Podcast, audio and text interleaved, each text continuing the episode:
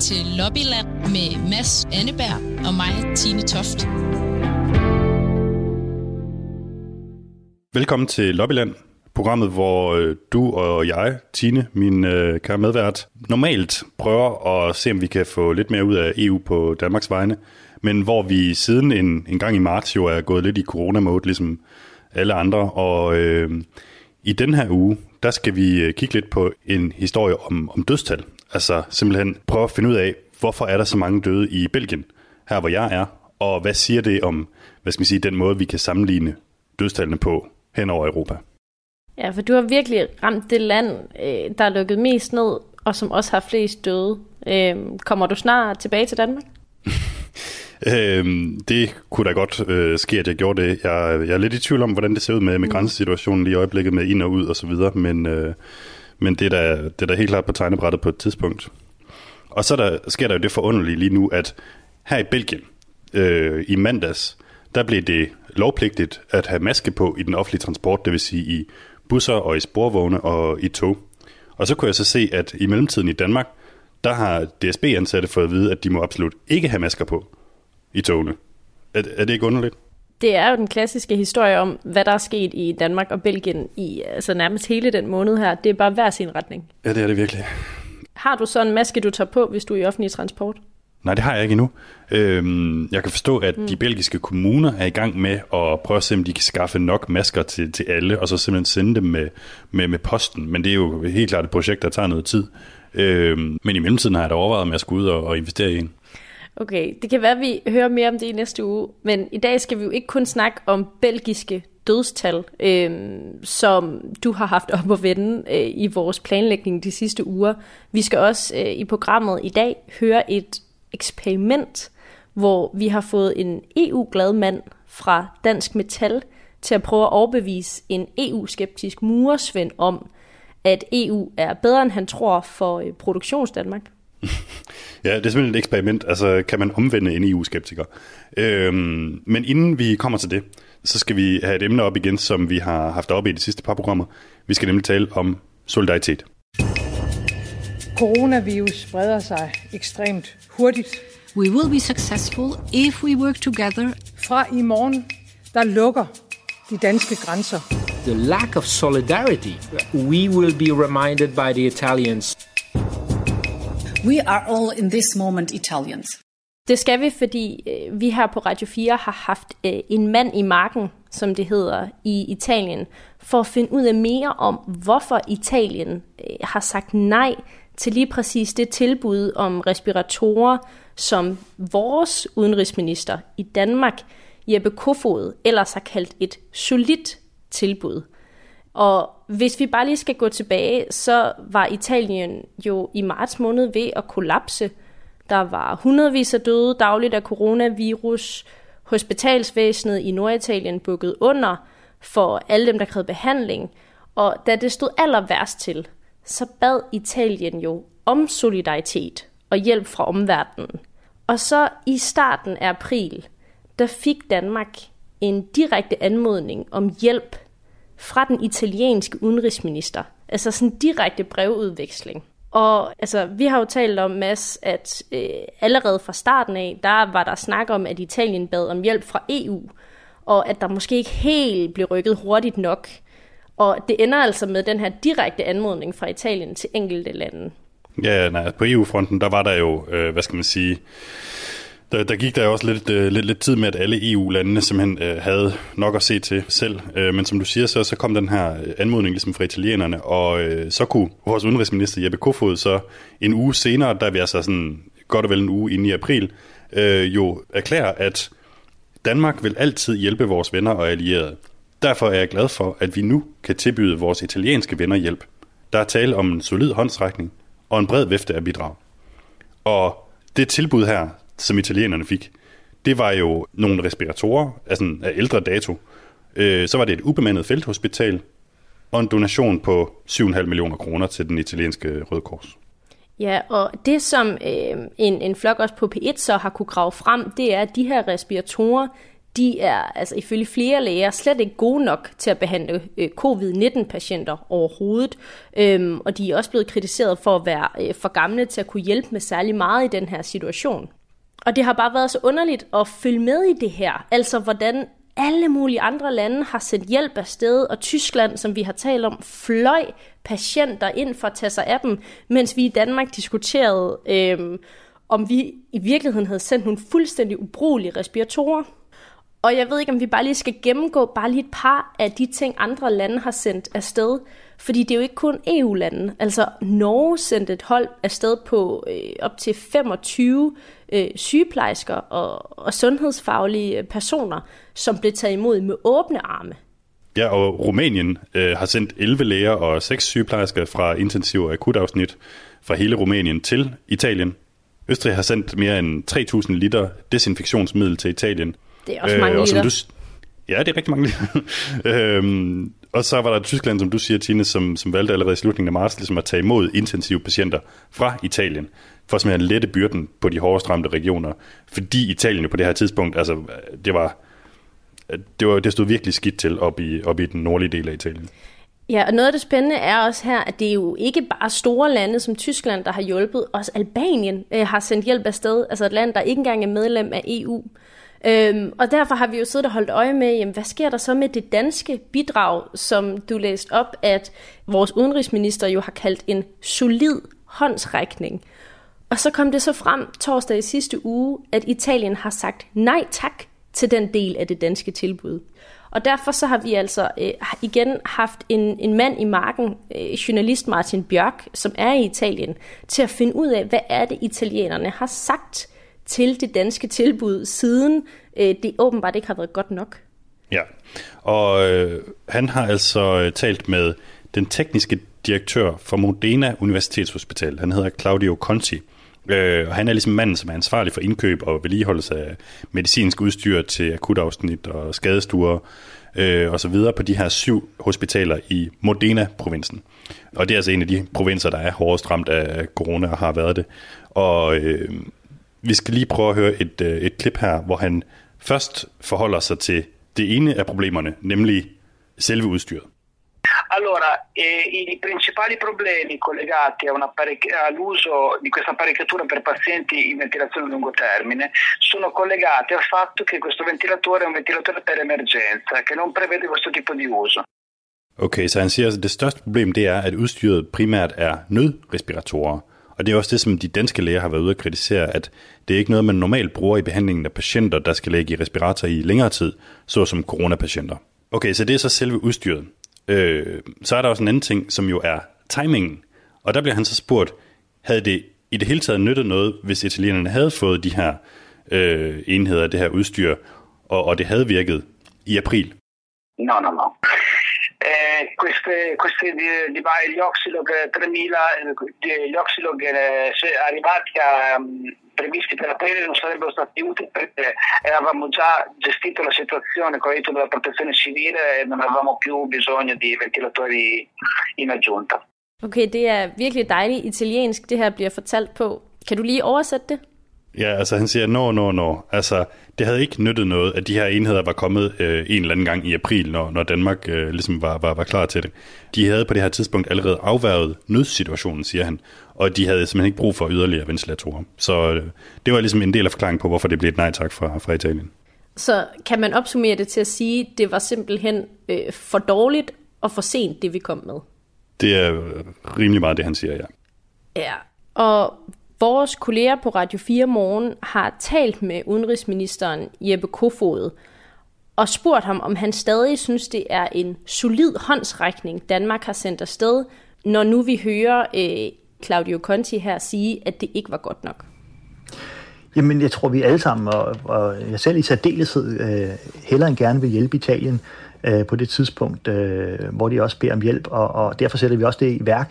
Men det er nu engang sådan, at det er de danske øh, myndigheder, det, altså det vil sige sundhedsmyndigheder, beredskab, forsvar, som må vurdere i Danmark, hvad kan man undvære fra det danske beredskab, som man kan stille til rådighed for Italien, når vi samtidig har det hensyn, at, øh, at vi skal kunne øh, altså ikke må underminere vores egen kamp mod corona, eller, eller fratage behandlingsmuligheder for, for syge danskere. Vi skal også have kapacitet, som nævnt, til at hjælpe i rigsfællesskabet, Grønland, Færøerne. Det, det er jo en myndighedsvurdering af, hvad kan vi undvære. Det var, vi hvad vi kunne på det tidspunkt. Havde jeg ønsket, at vi kunne hjælpe meget mere? Ja, selvfølgelig. Øh, der, tror jeg, der er ikke noget, jeg heller vil hjælpe meget mere. Men selvfølgelig har man et hensyn til, at vi skal kunne håndtere pandemien øh, for danskerne, det, det tror jeg, Men alle forstår. Lige ganske kort her, øh, øh, Jeppe Kofod, fordi vores kolleger over på øh, Danmarks Radios P1 har jo mm. afdækket, mm. hvordan de respiratorer, som øh, blev tilbudt, øh, var af øh, så gammelt og primitivt øh, type, at blandt andre Joachim Hoffmann Petersen, formand for Dansk Selskab for Anestesi og Intensivmedicin, sagde, at de ikke engang indgik som en del af det danske coronaberedskab. Er, er det så overhovedet værd at tilbyde et, øh, et, et, et kollegaland i Europa, som står i så store problemer? Jamen, altså, altså jeg, det eneste, jeg vidste om de respiratorer, det, det var, at de uh, indgik i det danske nationale beredskab, øh, og, og det er jo de relevante myndigheder i Danmark, som vurderer, hvad de øh, så i givet fald kan bruges til eller ikke bruges til. Øh, jeg havde øh, ikke nogen anelse om, hvad, hvad Men er det så kritisabelt fra myndighedernes side, at man har, at man har henvist, undskyld? Er det så kritisabelt fra myndighedernes side, at man har henvist nogle respiratorer videre, som du så tilbyder til din italienske kollega, som så ikke kan bruges til noget? Hvad betyder det?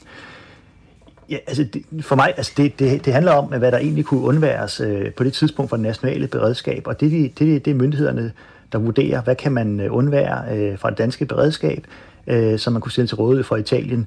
Øh, og herunder var der også respiratorer, altså respiratorer, som indgår i det danske nationale beredskab. Og, og jeg, tænker, altså, jeg tænker, at respiratorer, der indgår i det nationale beredskab, tilbyder så Italien til deres nationale beredskab, så må myndighederne finde ud af, hvordan øh, eller om de vil bruge øh, det tilbud eller ej. Altså jeg havde ingen viden om, om hvorvidt de kunne bruges til covid-19-patienter øh, eller ej. Øh, så det er, også, det er sådan set også nyt for mig, øh, de ting, der kommer frem fra regionerne senere. Men anmodningen, den kommer til dig om at få noget hjælp. Bør du så ikke også sætte dig ind i, at det her det er den rigtige hjælp, man så giver? Jo, men altså, jeg, det som jeg, jeg sætter mig ind i, det er at sige, at vi har nogle respiratorer, og vi har, har ting, der indgår i det danske nationale beredskab. Det kan vi så øh, ifølge myndighederne undvære.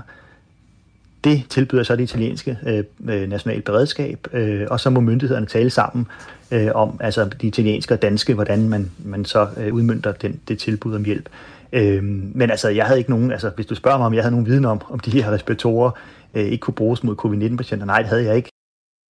Altså Jeppe Kofod, vores udenrigsminister, fastholder altså her, at det var de danske sundhedsmyndigheder, der lavede vurderingen, og han anede ikke, at respiratorerne ikke kunne bruges til øh, covid-19-patienter.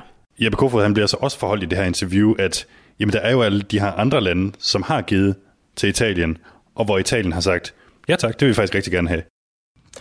Det skal jeg ikke gå ind og vurdere. Jeg kan bare sige, at, at vi stod på et tidspunkt øh, der i en, en gigantisk øh, omstillingssituation. Altså danske sundhedsmyndigheder var under et enormt pres og har været det længe i øvrigt. Og derfor har det også taget tid at få en afklaring. Øh, altså hvad kan man frigøre for eksempel af udstyr øh, eller andet, som kunne, kunne hjælpe øh, Italien.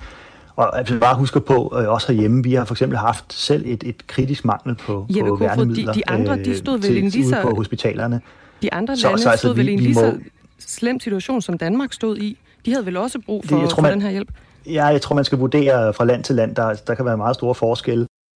Jeppe Kohed gentager altså, at det var det, der var ressourcer til på det tidspunkt. Og øh, det er altså noget, der bliver ved med at være diskussioner om herhjemme i Danmark. Øh, der er forlydende om et samråd. Øh, og det er altså ikke sidste gang, Jeppe Kofod skal forholde sig til, om Danmark har gjort øh, nok. Og jeg ved ikke, om man kan forestille sig, Mads, at Italien ligefrem sidder og har en krydsliste og krydser af, øh, Danmark har givet for sent. Øh, eller, eller hvad det egentlig kan betyde for relationen til Italien. Øh, jeg tror måske mest af alt, Italien kigger mod større lande som Tyskland og Frankrig, men det er da bare en lille smule specielt, at mens vi har set, at Italien har taget imod hjælp fra Kina og Katar med åbne arme, så øh, er det danske bidrag alligevel ikke helt godt nok til, at de har kunne bruge det. Nej, nej, altså man kan sige, at jeg, jeg, har, jeg har prøvet at spørge de sådan få øh, italienske venner, jeg har, og også prøve sådan at se, om jeg kunne finde noget i de italienske medier om, om, om Danmark specifikt, og det er jo ikke, sådan, det, er jo ikke det, de går op i. Det, det, jeg tror, de gik meget op i i starten, det var, at EU-landene ikke kom på banen og, og hjalp dem, men tværtimod, at nogle lande ligesom holdt øh, udstyr tilbage og sådan noget, og så, var det, og så var, skulle det lige pludselig være Kina og Rusland, som viste sig at være sådan i gåsøjne øh, generøse, men med nogle forskellige bidrag. Ja, og noget af det, jeg egentlig har synes er øh, mest interessant ved det her, også grund til, at jeg synes, vi skulle have det med i programmet, fordi det kan jo synes som en lille ting i forhold til det massive problem, Italien har haft, om Danmarks respiratorer har virket eller ej. Men det er også, at for en måned siden eller lidt mere, der tror jeg ikke, man kunne have forestillet sig, at det overhovedet kunne være en politisk diskussion, om Danmark skulle hjælpe Italien. Altså der havde vi så travlt med at øh, sørge for vores egen butik, og nu der er det faktisk noget, der giver regeringen problemer, at vi ikke har været solidariske nok. Altså det er også noget af et skift i forhold til, hvor jeg synes, vi stod, da vi begyndte at sende det her corona-program. Øhm, altså hvor det hele har handlet om corona, at det nu er sådan en diskussion, der er herhjemme.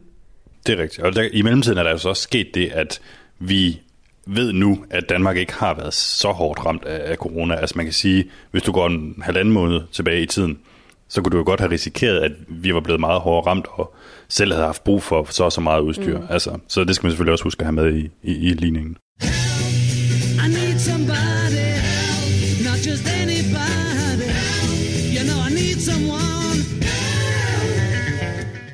Og øh, det var øh, afsnittet om solidaritet i dag, øh, men nu skal vi tale om noget øh, lige så alvorligt, som om man sender den rigtige hjælp, for vi skal snakke lidt om dødstal i Belgien, som du har gået meget op i de seneste uger. Ja, Tine, fordi jeg står faktisk lige nu og kigger på listen over de lande, der er blevet hårdest ramt af corona per indbygger. Og nummer to på listen, det er Belgien. Altså, det er det land i, øh, i verden, ud over lille bitte San Marino, som ligger midt i Italien, hvor der er flest døde øh, per indbygger af corona. I skrivende stund her tirsdag ved middagstid, der er det lige omkring 8.000 mennesker i, i Belgien, som er døde af, af, af corona. Og man vil sige, at Belgien, jamen det er jo et land, som er cirka dobbelt så stort som, som Danmark. Hvordan kan det så være, at der er så enormt mange? Altså i Danmark, der er der jo været lige omkring 500 i øjeblikket, og i Belgien, der er der altså 8.000 mennesker, som er døde af corona. Altså det, det, det lyder jo helt vildt. Er det en ret vild forskel? Øhm, er det noget, folk snakker meget om? Ja, det er jo så det, fordi i starten, der var der ikke rigtig nogen, der, der, der talte så meget om det. Øhm, så for nogle uger siden, så, øh, så, så begyndte det ligesom at være noget, man sådan stussede lidt over, at, at det lige pludselig begyndte at være lige så slemt på papiret i, i Belgien som i Italien, hvor det jo, øh, som vi lige har talt om, stod, stod rigtig, rigtig skidt til. Og jeg, jeg ringede faktisk for nogle uger siden øh, til, en, til en belgisk virolog, der hedder Mark van Ranst, for at spørge ham, jamen, hvad, hvad er det egentlig, det her, det her det går ud på? Og han sagde så, jamen altså, en ting er selvfølgelig, at Belgien, jamen det er hårdt ramt øh, landet, og det kan der være flere årsager til, men den allerstørste faktor i, at, at det ligger så højt på listen, det er simpelthen, at Belgien måler det på en anden måde, sådan at tallet kommer til at se cirka dobbelt så stort ud, som hvis man havde gjort det på samme måde som, som i Danmark. Um, so in Belgium, we add the number of deaths in hospitals. We add them to the number that is reported by the elderly homes. They, they basically count the potential COVID deaths, which in fact means that everybody who dies in an elderly home nowadays is, uh, is added to that number. Så han siger altså, at udover at du selvfølgelig har dem, der, der dør på hospitalerne efter at være blevet testet, øh, så beder man altså også plejehjemmene om at komme med tal for, hvor mange øh, derude, der ligesom er døde af corona. Og det bliver så en form for, det bliver et estimat simpelthen. Og det gør så, siger han, at stort set alle, der dør på plejehjem lige nu, kommer til at tælle med i coronastatistikken. Mm. Det vil sige, at de tæller øh, revl og krat på en måde. Jamen, de, de, simpelthen, og det, og det, det er bare en fundamentalt anderledes måde at gribe det an på. Og den belgiske regering har jo så forsvaret det med, jamen altså, vi gør det her for at få så nøjagtige tal som muligt. Fordi du kan også sige, jamen den måde, vi måler det på i Danmark, det er jo, at du skal have været testet positiv for corona inden for de sidste 30 dage før din død, hvis din død skal tælle med i coronastatistikken. Men det er jo ikke sikkert, at du er blevet testet, mm. bare fordi du, du ligesom dør af corona. Så man kan sige, hvad, hvad er i virkeligheden mest nøjagtigt? Det kunne man jo sagtens argumentere for, at Belgien er. Ja, fordi på en måde kan jeg godt forstå, at de også tæller dødsfald med på plejehjem. Øhm, fordi der er masser på plejehjem i Danmark, øhm, som ikke nødvendigvis kommer ind forbi et hospital og bliver testet. Men omvendt, så må de jo også opfange en hel masse, som er død af alt muligt andet end corona. Og det lyder jo bare voldsomt, når man hører tallet i forhold til nogle, øh, til nogle af de andre lande, altså bare tæt på. 100%, og det åbner jo også for sådan en debat af, hvornår man død af corona, fordi i Danmark der er du jo død med corona, altså det er jo ikke sikkert, at alle, der er døde øh, i coronastatistikkerne er døde på grund af corona. De har bare haft corona. Altså, mm. Så det er, jo, det, det er jo selvfølgelig en større debat og sådan noget. Men man kan sige, der hvor det bliver lidt irriterende, det er jo, at man kan lige pludselig ikke så godt sammenligne dødstallene fra land til land i Europa. Mm. Øh, og det synes jeg faktisk er lidt mærkeligt, at man ikke har en, en standardiseret måde i EU at, at opgøre dødstallene på, så man ligesom vil kunne sige, okay, det her land øh, klarer sig bedre end, end det her land. Derfor må det her land ligesom mm. have, have bedre forudsætninger for det, eller have, have håndteret det bedre simpelthen. Men det, det kan vi jo ikke så godt sige nu. Nej, det skal vi snakke om om lidt, men kan vi ikke lige høre det klip, øh, du har talt med ham, biologen her, også om, hvad han siger til det? Altså fordi Belgien har fået så meget kritik for at have sådan et massivt stort dødstal. Jo, jo, lige præcis, fordi øh, han er sig selv rimelig kritisk over for det. Vi kan egentlig bare lige prøve, prøve at spille klippet. I think you would have to ask the Belgian government why they do this. I think it's um, it, it's hurting Belgium or the, the, the international reputation of Belgium. When you would come and look in the hospitals, there is absolutely no no crowding, no panic, no whatever. This is this is pretty well managed, and there are no Italian uh, situations in Belgium in, in, in terms of mortality that cannot be handled or uh, or people that, that do not find a bed in the intensive care. So the numbers paint a uh, the, the reality is uh, is not different from the numbers that are reported. I think it's a mistake to do it in this way. Ja, altså han synes altså, at det er, en, det er en fejl at måle det på den måde. Han er bange for, at det går ud over det internationale ry, som, som Belgien har, øh, simpelthen fordi, at de lidt med vilje katapulterer dem selv op på, på førstepladsen over, hvor, hvor mange der er døde af corona per, per indbygger. Og han understreger så, at jamen, der er ikke nogen italienske tilstande i Belgien. Altså man er ikke ude og øh, sidde og skulle vurdere som læge i Belgien, øh, kan jeg nå at redde øh, den ældre mand her med lungeproblemer, eller skal jeg kaste ressourcerne efter en anden med covid-19 for eksempel? Nej, altså kort fortalt, så siger han jo, at deres hospitalsvæsen kan godt følge med. At der er stadig pladser på intensivafdelingerne og, og så videre, ikke? Men det, øh, det peger jo bare på, at du har helt ret i det her med, at det er utrolig underligt, at vi ikke bare har en fælles måde at opgøre det på. Og øh, også bare til dem, der lytter med, kan man måske bare lige tænke over, øh, ved du, hvad det vil sige, når vi siger, at der er x antal 100, der er døde af covid-19 i Danmark, øh, og sammenligner det med andre lande? Altså ved vi egentlig helt præcis, om det kan sammenlignes? Jeg skal i hvert fald ærligt sige, jeg, jeg, jeg anede ingenting om det, før jeg ligesom begyndte at undersøge mm. det her. Altså, for eksempel det der med, hvornår tæller du med i statistikkerne? Altså, det, det, er, jo, det er jo en hel videnskab for sig, ikke? Ja, og bare inden for EU kunne man måske tænke, at det ville være smart at have noget fælles. Og fordi du har talt så meget om det her med, hvad er det egentlig, der gør, at øh, Belgiens dødstal øh, ser så meget større ud end øh, de andre landes, så har vi jo også kigget lidt nærmere på et værktøj, som prøver at komme tættere på, hvordan man faktisk kan se forskel på landene. Og det er et værktøj, der hedder Euromomo, øh, som man kan gå ind og finde. Jeg ved ikke, om vi begge to lige skal gå ind og finde det nu, så vi kan se graferne. For det er faktisk det danske, øh, altså Statens Serum Institut, der har lavet et værktøj, hvor de prøver at lave et mål for overdødelighed, sådan at man faktisk kan sammenligne øh, fra land til land. Ja, for det der faktisk viser sig, det er jo, at i Belgien, med det her sådan lidt oppustede coronatal, der ender de med at ramme rimelig godt hvor mange der er døde nu her i forhold til, hvor mange der normalt dør. Mm. Øh, og det er jo sådan noget som i for eksempel i Storbritannien, hvor de er milevidt fra det, altså hvor deres coronadødstal kun kan forklare halvdelen af de øh, ekstra dødsfald, der ligesom er i øjeblikket.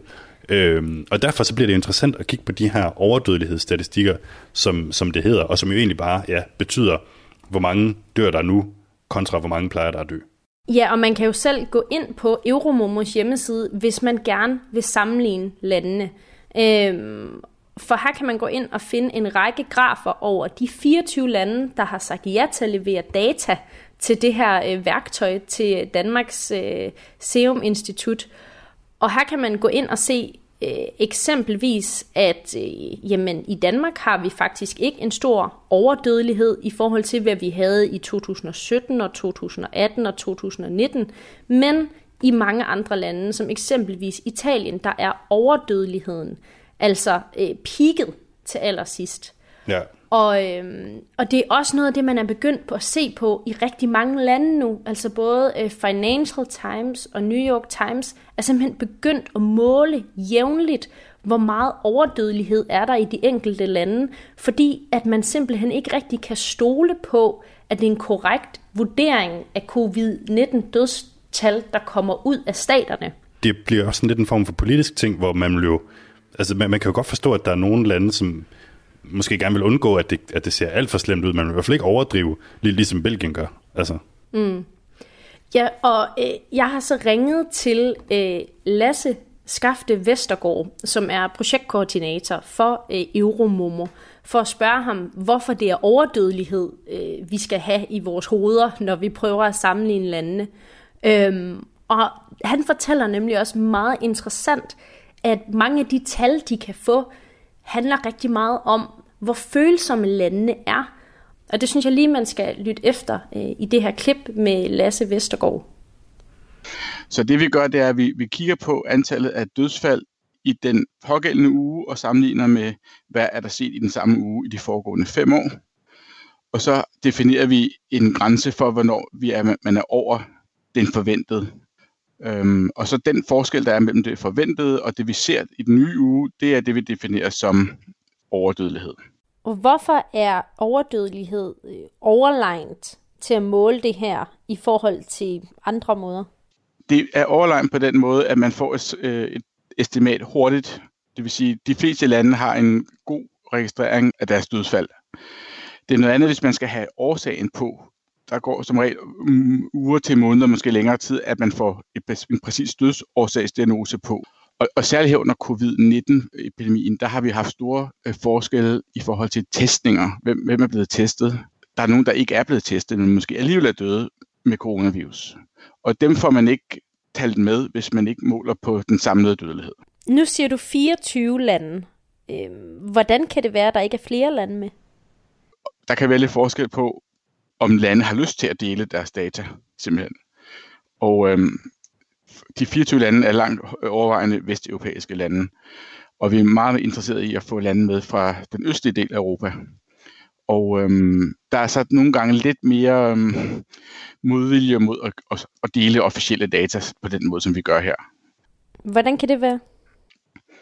Det er nok, fordi der er lidt forskellige politiske syn på, hvad, hvad der er øh, sensitivt, hvad der er for sensitivt at dele, og hvad man måske hellere vil holde for sig selv. Men det, det er jo ikke noget, jeg ved konkret.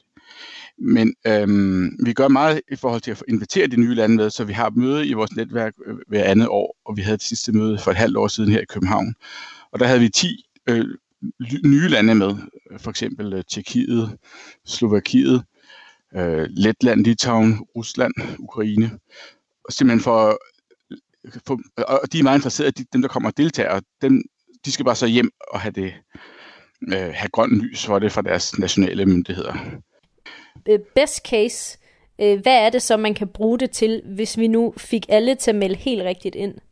Jeg, jeg tænker, i forhold til den her pandemi, som jo vi, vi ved opstod eller startede i Kina, der, så, der så vi noget, og så gik der jo noget tid, før vi tænkte, om, om det nu var noget problem for os her i Europa.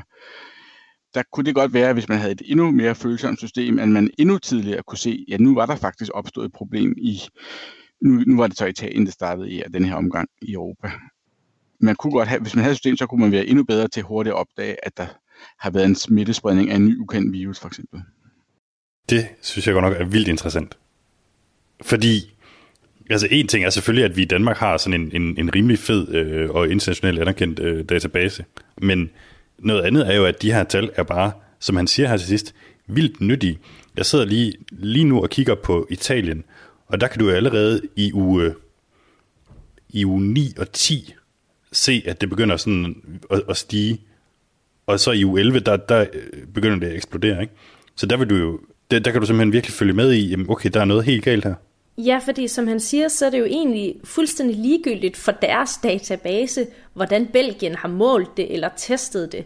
Øhm, de anbefaler heller ikke en særlig måde at teste på. Det eneste, de kigger på, det er, hvor mange døde øh, er der i den her uge, sammenlignet med øh, en typisk periode i de foregående år.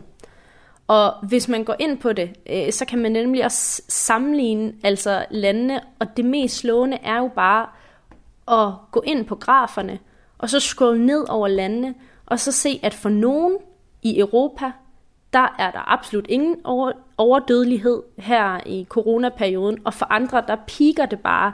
Og det er bare specielt at se, at der er så stor forskel. Det er helt vildt, og jeg, jeg sidder og kigger her på Østrig, som, mm. altså, det bonger overhovedet ikke ud. Det er jo som om, der slet ikke er corona i Østrig. Nej, altså, de hvor, flatliner bare hele vejen hen. De flatliner bare totalt, og, og i 2017 og i 18 havde de flere ligesom, øh, dødsfald, end, end de har lige nu. Ja, og der var nemlig en anden øh, influenza øh, i, øh, i nogle af landene. Det er derfor, et par af dem bonger ud, også lidt der i 17 og 18. Øh, det spurgte jeg ham nemlig også om. Ja, okay. Og så har vi altså Danmark, Estland, Finland, øh, øh, Grækenland, øh, Ungarn og sådan noget. Altså, der, der, der er bare ikke noget at se. Øh, og så har du på den anden side, som du siger, lande som Belgien, Italien, Spanien, England øh, for Søren Mand. Det ser ikke for godt ja, ud. England bonger helt ud her. Også fordi i England, der ser det ikke nødvendigvis ud til, at de sådan er på vej ned igen på samme måde, som man er i mange andre lande. Altså Italien, altså det er jo den gode nyhed, kan man sige, at Belgien, Italien, Spanien og sådan noget, der er kurven på vej ned af, det kan man se. Ja, og selvfølgelig skal man tage højde for, at nogle af de seneste tal ikke er kommet ned, men det er lige præcis det, det kan bruges til, det her værktøj. Øh, det fortalte Lasse Vestergaard mig også. Det er, at for eksempel i England, øh, der begynder medierne så at bruge det her værktøj til at sige til deres øh, regering, hov hov, det kan godt være, at I synes, det går fint, men vi kan jo se, at vores overdødelighed er markant større end øh, andre store lande i Europa. Det vil sige, det er ligesom et tal, som regeringerne ikke rigtig kan løbe fra. Øh, overdødelighed er overdødelighed, lige meget om man så har, har talt, at det er covid-19 eller ej. Og selvfølgelig kan de ikke helt præcis vide, at det er covid-19, alle er døde af, men det er det, der bonger ud i den her periode, så det tyder alt jo på, at, øh, at det er. Øhm, og det gør sig jo også gældende for Belgien, Mads. Altså, så de kan jo heller ikke helt løbe fra, at der også er overdødelighed i Belgien, for der piker det også til sidst. Ja, øhm. og det, men, men det er jo det, og det er jo derfor, det jo, det er sådan, vi kom ind på det til at, til at starte med. Altså, i Belgien, der overlap, eller der passer tallene ret godt øh, ja. for coronadødelighed og for overdødelighed. Altså, så det vil sige, at Belgien i virkeligheden, altså enten mm, hvad skal man sige, på grund af, af kløgt eller på grund af held, har, har fundet en, en formel for deres øh, coronadødstal, som, som ser ud til at passe noget bedre end, end, i, end i mange andre lande i hvert fald. Mm. Ja, og det kan man i hvert fald sige, at jo tættere Belgien, øh, jo tættere Belgiens øh, officielle øh, covid-19-dødstal er på overdødeligheden, jo mere præcist er det altså. Og der har de så lavet en måde at måle øh, det her på inde hos Euromomo, som er ret speciel, fordi når du går ind på graferne, så er det ikke sådan, at du kan se, hvor mange tusind eller hundrede, der er døde. Du kan i stedet for se et tal, som hedder en Z-score, øhm, som de har udregnet som et lidt mere neutralt tal til at vise forskellen. Og det synes jeg er enormt interessant, fordi øh, det vi skal høre Lasse Vestergaard fortælle nu, det er, at de måler og viser det på den her måde, fordi nogle lande faktisk slet ikke har lyst til, at overdødelighed skal vises i øh, faktiske dødstal. Det, det, det, vi kalder vores overdødelighed, det er simpelthen antallet af døde ud over det forventede. Men det kan man også udtrykke statistisk ved det, der hedder en Z-score, som, som siger noget om, hvad er graden af udsving fra det normale. Og grunden til, at vi bruger det, det er, at nogle lande er ikke så glade for at vise antallet af dødsfald fra deres land på, på de her, i de her kurver, men hvis man så viser et mere neutralt tal som en Z-score, så kan man udtrykke overdødeligheden statistisk og sammenligne mellem landene og sammenligne hen over tid. Er det simpelthen derfor, I gør det? Ja, det er det. På grund af finfølende lande? Der er nogle lande, som ikke, ja, der er nogle lande, de vil faktisk ikke helst vise deres dødelighed, sådan først i hvert fald senere i forløbet. Det vil sige, I har dødstallene, men det er ikke dem, I viser fra hvert land på hjemmesiden? Ja, det er korrekt. Ideelt set vil vi jo gerne vise begge dele. Både, ta- både tallene og sætskårene. Men er det så ikke ret svært for den enkelte borger at bruge? Man kan sige, du jo, hvis man vil vide præcis, hvor mange er der døde i ens land, så, så skal man ikke, det kan man ikke se her. Man kan bruge det til at se på, hvordan er øh, variationen inden for et land hen over tid, og hvordan det forskellige, for, for eksempel var i, i aldersgrupper. Det er jo ret vildt, det han siger her, Tine. Altså, at det simpelthen at skulle være så politisk følsomt for mange, der dør i et land. Altså, det virker jo som en rimelig basic fact, ikke? Og her går vi jo lidt og, og altså med, med rette selvfølgelig at kritisere Kina for ikke at være åbne omkring øh, så, så, så mange ting i forhold til det med corona og sådan noget. Men, men det, at du stadig kan have svært ved at lokke bare simple dødstal ud af lande i, i Vesteuropa, det er, jo, det er jo helt vildt. Det kom faktisk også bag på mig, øhm, og det gør i hvert fald, at de ikke kan gøre det, de allerhelst ville, altså vise for, for hvert enkelt land, hvad er sætscoren. Deres algoritme betyder, at hvis den er over 15, så er der ekstrem dødelighed, men også at vise dødstallene. Øh, men jeg kan anbefale, at man går ind på Euromomos hjemmeside, og selv sidder og kigger lidt rundt, fordi man kan faktisk både gå ind og se, hvordan overdødeligheden ser ud for forskellige aldersgrupper, forskellige lande, og så også samlet øh, for hele Europa. Og indtil videre er det altså 24 lande, som de har fået med, men de håber også rigtig meget, øh, fortalte han mig, at få Rusland og ikke mindst Ukraine med. Øh, så man kan jo følge med i, hvad det er for nogle lande, der faktisk går med til at melde ind til det her værktøj. Ja, Øhm, så det er bare med at komme i gang med, med Euromomo, og, og som du sagde før, Tine, så har medier som Financial Times og, og Bloomberg jo også øh, hvad skal man sige, beskrevet det her, hvor de så har prøvet at finde nogle, nogle flere tal og sådan noget. Så det er noget, man kan gå på, på, på jagt og på opdagelse i det her med overdødelighed, hvis man øh, har, har lyst til at, sådan at prøve at sammenligne, hvordan det går fra land til land. Og nu skal vi til øh, noget, der øh, måske for en gang skyld ikke handler om corona. Are you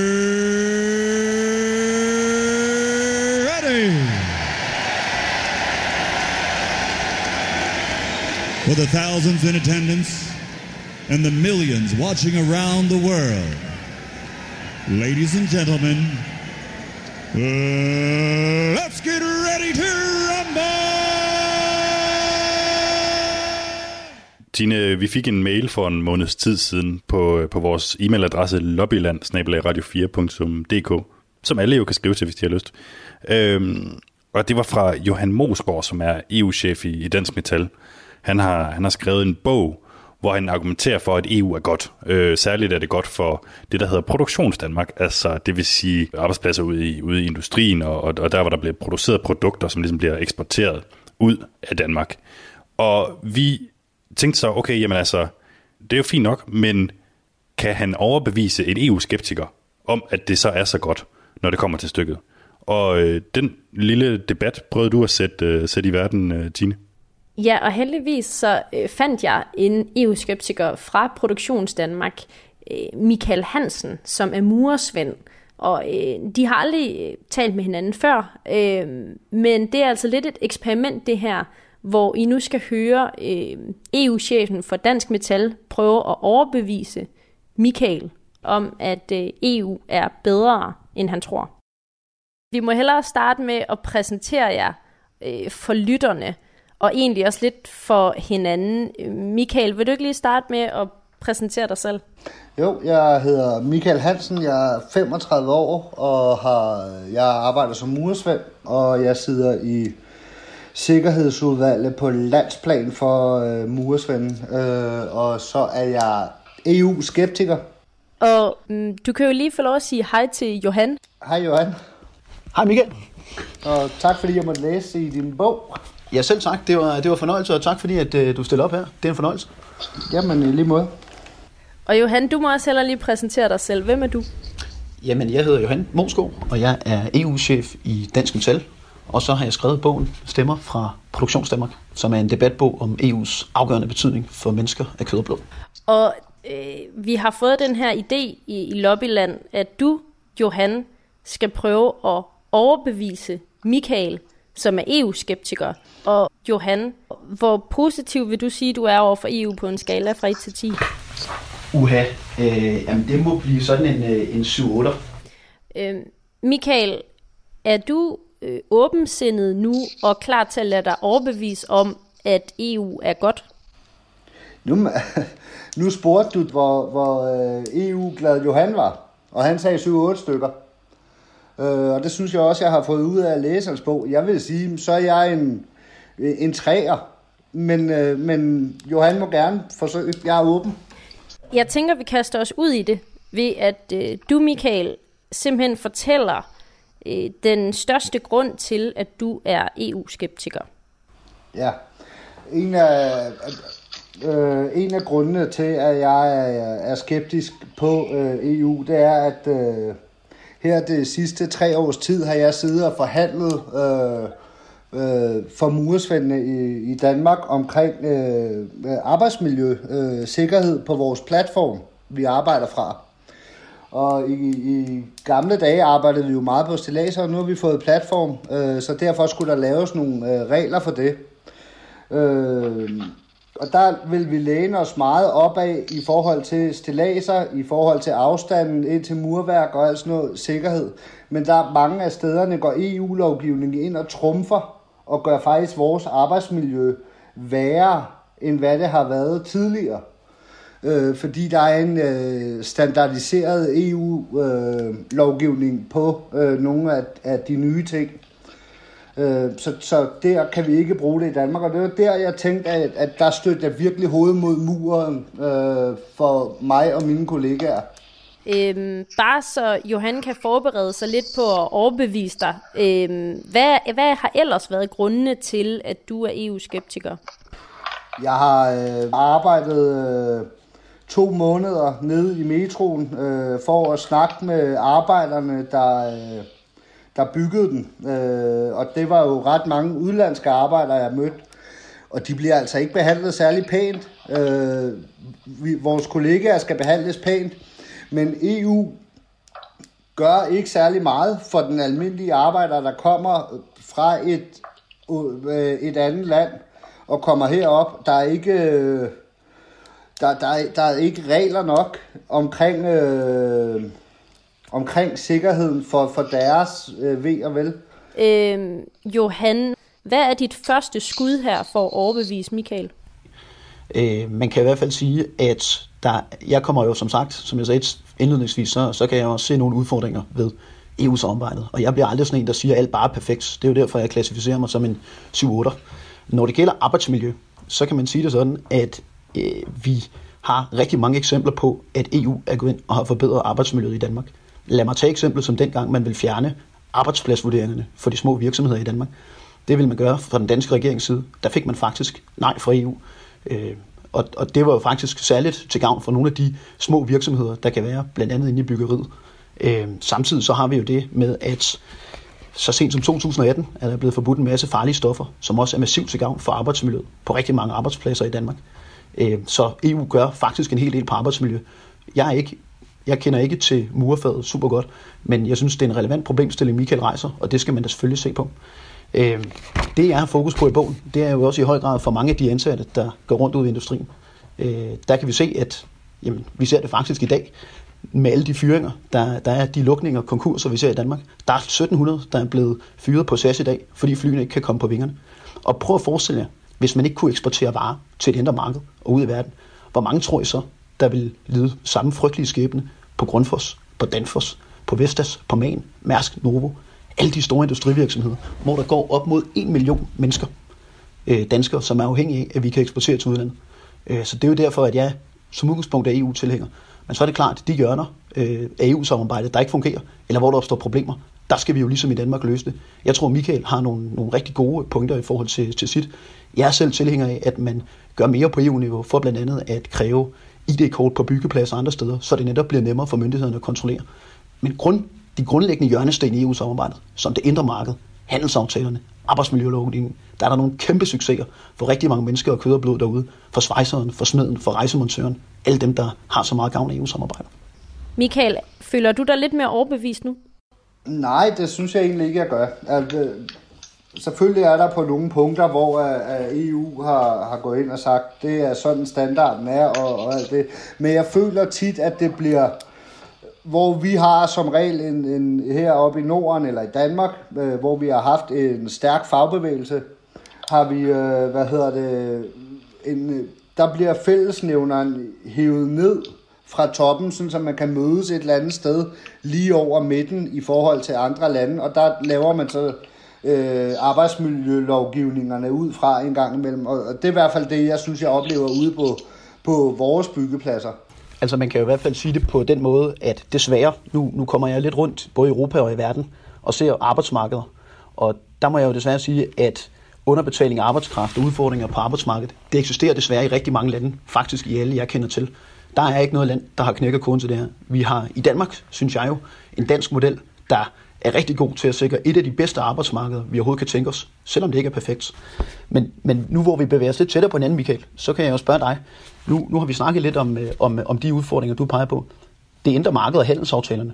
Nu kalder du dig selv EU-skeptiker. Hvad synes du om de konstruktioner? Altså det, at vi kan sende varer over grænser frit, som er til gavn for tusindvis af arbejdspladser. Er du ikke tilhænger af det? Men selvfølgelig er jeg øh, tilhænger af aftalemodeller, det er også den, jeg selv lever efter øh, i min hverdag. Jeg synes bare, at EU er blevet en mastodont, som øh, tilgodeser de store firmaer mere end de tilgodeser den arbejderen, der er i, i arbejdet. At man tilgodeser de store firmaer, før man tilgodeser øh, det almindelige menneske. Michael, nu har du jo faktisk læst øh, bogen. Er der et kapitel eller et eksempel i bogen, som har overbevist dig, eller som har fået dig til at tænke, at EU, det er måske ikke så skidt? Nej, det er der Altså, nu er jeg jo ikke... Øh, jeg, jeg kunne godt lide afsnittet omkring øh, vores gode ven, der, skulle, øh, der var rejsemontør, og som på øh, Metalskolen i Jerslund øh, rejste op og sagde, øh, hvor meget nemmere det var at komme igennem med hans ting. Øh, når han øh, for eksempel skulle til Tyskland og bagefter øh, Holland for at, at, at arbejde på et skib, hvor han så kunne støde ind i problemer, hvis han skulle ned til Tyrkiet eller Brasilien og, og stå i stampe i en måneds tid eller et eller andet. Så det er et samarbejde jo øh, godt. Men, men samarbejder har, er jo altid gode, og vi skal jo samarbejde, og vi skal samarbejde så bredt som muligt. Jeg synes bare, at EU er virkelig klodset, og de gør det, øh, gør det sgu mærkeligt en gang imellem. Øh, og, og, og, og det, jeg oplever med arbejdsmiljø og under, underbetalte udlandske kollegaer og alt det ude på byggepladserne, det er det, der gør mig virkelig harm. Men, men Michael, der, det er jo så der, nu, nu er det jo, det er jo en, øh, det er jo en god snak. Hvad? Så spørgsmålet er jo, jeg, jeg kender jo ikke den sag, du, du nævner der. Hvis nu, at øh, vi snakker sammen bagefter, og jeg så i øvrigt siger, at jeg synes, der skal gøres noget, blandt andet med ID-kort på byggepladser, fordi at jeg synes, dig og mange af dine kollegaer er vigtige. Kunne jeg så ikke få dig til at sige med syvtommersem, at det indre marked og handelsaftaler og ambitiøs arbejdsmiljølovgivning, og det her med, at Europa skal blive førende på at sikre industriarbejdspladser, som vi er godt i gang med, det er altså også vigtigt. Og alle de mennesker, og kød og blod i bogen, Jørgen, Robin, Mathilde, Pia, Alice, Per og alle de andre, at deres, dem og deres øh, ansættelser, deres arbejdsplads i industrien og deres hverdag, den er altså også vigtig. Du kan nemlig få mig til at sige, at det er vigtigt, at Jørgen, Per og Pia har deres arbejdspladser, og vi er stærke på vores arbejdspladser. Men, men, det er det, men, men jeg er bare ikke sikker på, at EU at, at, gør det rigtige. Fordi jeg synes ikke altid, de sikrer Jørgen, Per, Pia og pa- Paul fra, øh, og, og Østeuropæerne lige, lige godt. Så ønsker du mere EU? Nej. Altså, fordi jeg, jeg må jo sige meget klart, at jeg ønsker faktisk også, der skal være grænser for EU's indblanding i arbejdsmarkedet. Vi kan ikke bestemme, hvordan andre lande indretter deres arbejdsmarkedsmodeller. Og lige så vel, så er der heller ikke nogen, der skal trække modellen ned over os. Den stærke danske model, den skal bestå. Men det skal den gøre i samarbejde med, at vi har politikker, der skaber arbejdspladser. Er der noget, du vil sige her til sidst, inden jeg spørger dig, om du har rykket dig, Michael? Jamen, det er jo... Øh det er jo rart at høre, at vi, øh, men nu er han selvfølgelig også øh, EU-chef for Dansk Metal, men, øh, men det er jo rart at høre, at, at vi er så enige i, at, at, at, at vi skal være organiseret og, og fagforeningsorienteret øh, orienteret som muligt. Øh, jeg, jeg er ikke blevet mere EU-venlig, øh, vil jeg gerne indrømme, men, øh, men, men øh, et samarbejde kan vi da godt lave omkring organisering og alle de ting. Har du ikke bare rykket dig en lille tak fra 3 til 3,5 for eksempel? Nej, det synes jeg ikke. Nej, jeg har ikke, jeg har, jeg har ikke rykket mig. Johan, nu har du skrevet den her bog til Produktionsdanmark, og du har været ude og besøge forskellige, og alligevel så har du ikke kunne rykke Michael ikke engang en halv tak fra 3 til 3,5 på skalaen for at være EU-skeptisk eller EU-positiv. Er du lidt skuffet? Ej, jeg, jeg er meget fortrøstningsfuld øh, om, at, øh, at øh, når Michael og jeg øh, sætter os sammen bagefter øh, over en kop kaffe, eller over en dansk vand, måske over en øl, jamen så, øh, så håber jeg, at, øh, at vi kan rykke den op på 3,5, og måske op lidt højere op på sigt. Michael, hvad siger du til den øh, indbydelse? Jamen, øh, når, jeg er altid frisk på en kop kaffe eller en øl, øh, og jeg synes faktisk, at det er en... Øh, en, en rigtig spændende bog, du har skrevet, og jeg, og jeg synes, øh, at, at en, en hver diskussion er jo god, øh, og, og, og det er godt at høre øh, andre synspunkter end dem, man også selv har. Øh, for ellers bliver man aldrig klogere på tingene, og, og hvorfor andre ser det på den måde. Jeg synes, at det er ret vigtigt, at, at man tager sit øh, arbejdsliv øh, seriøst, og EU er altså en stor del af vores allesammens arbejdsliv. Jamen, det vil jeg i den grad sige jer til. Øh, jeg glæder mig til at møde dig øh, ude i virkeligheden, Michael. Nu sidder vi jo på en telefonforbindelse, øh, men, øh, men øh, lad os snakke sammen bagefter, sætte os sammen, og så, og så tager vi en runde to. Det stopper jo nok aldrig med at være en uh, interessant debat, det her, Tine. Altså, uh, for og imod EU. Uh, øhm, jeg synes faktisk, det er meget interessant, hvor Michael her, altså vores, uh, vores mursvend, han balancerer lidt mellem at sige på den ene side, at der er ikke regler nok. Altså, EU gør ikke nok.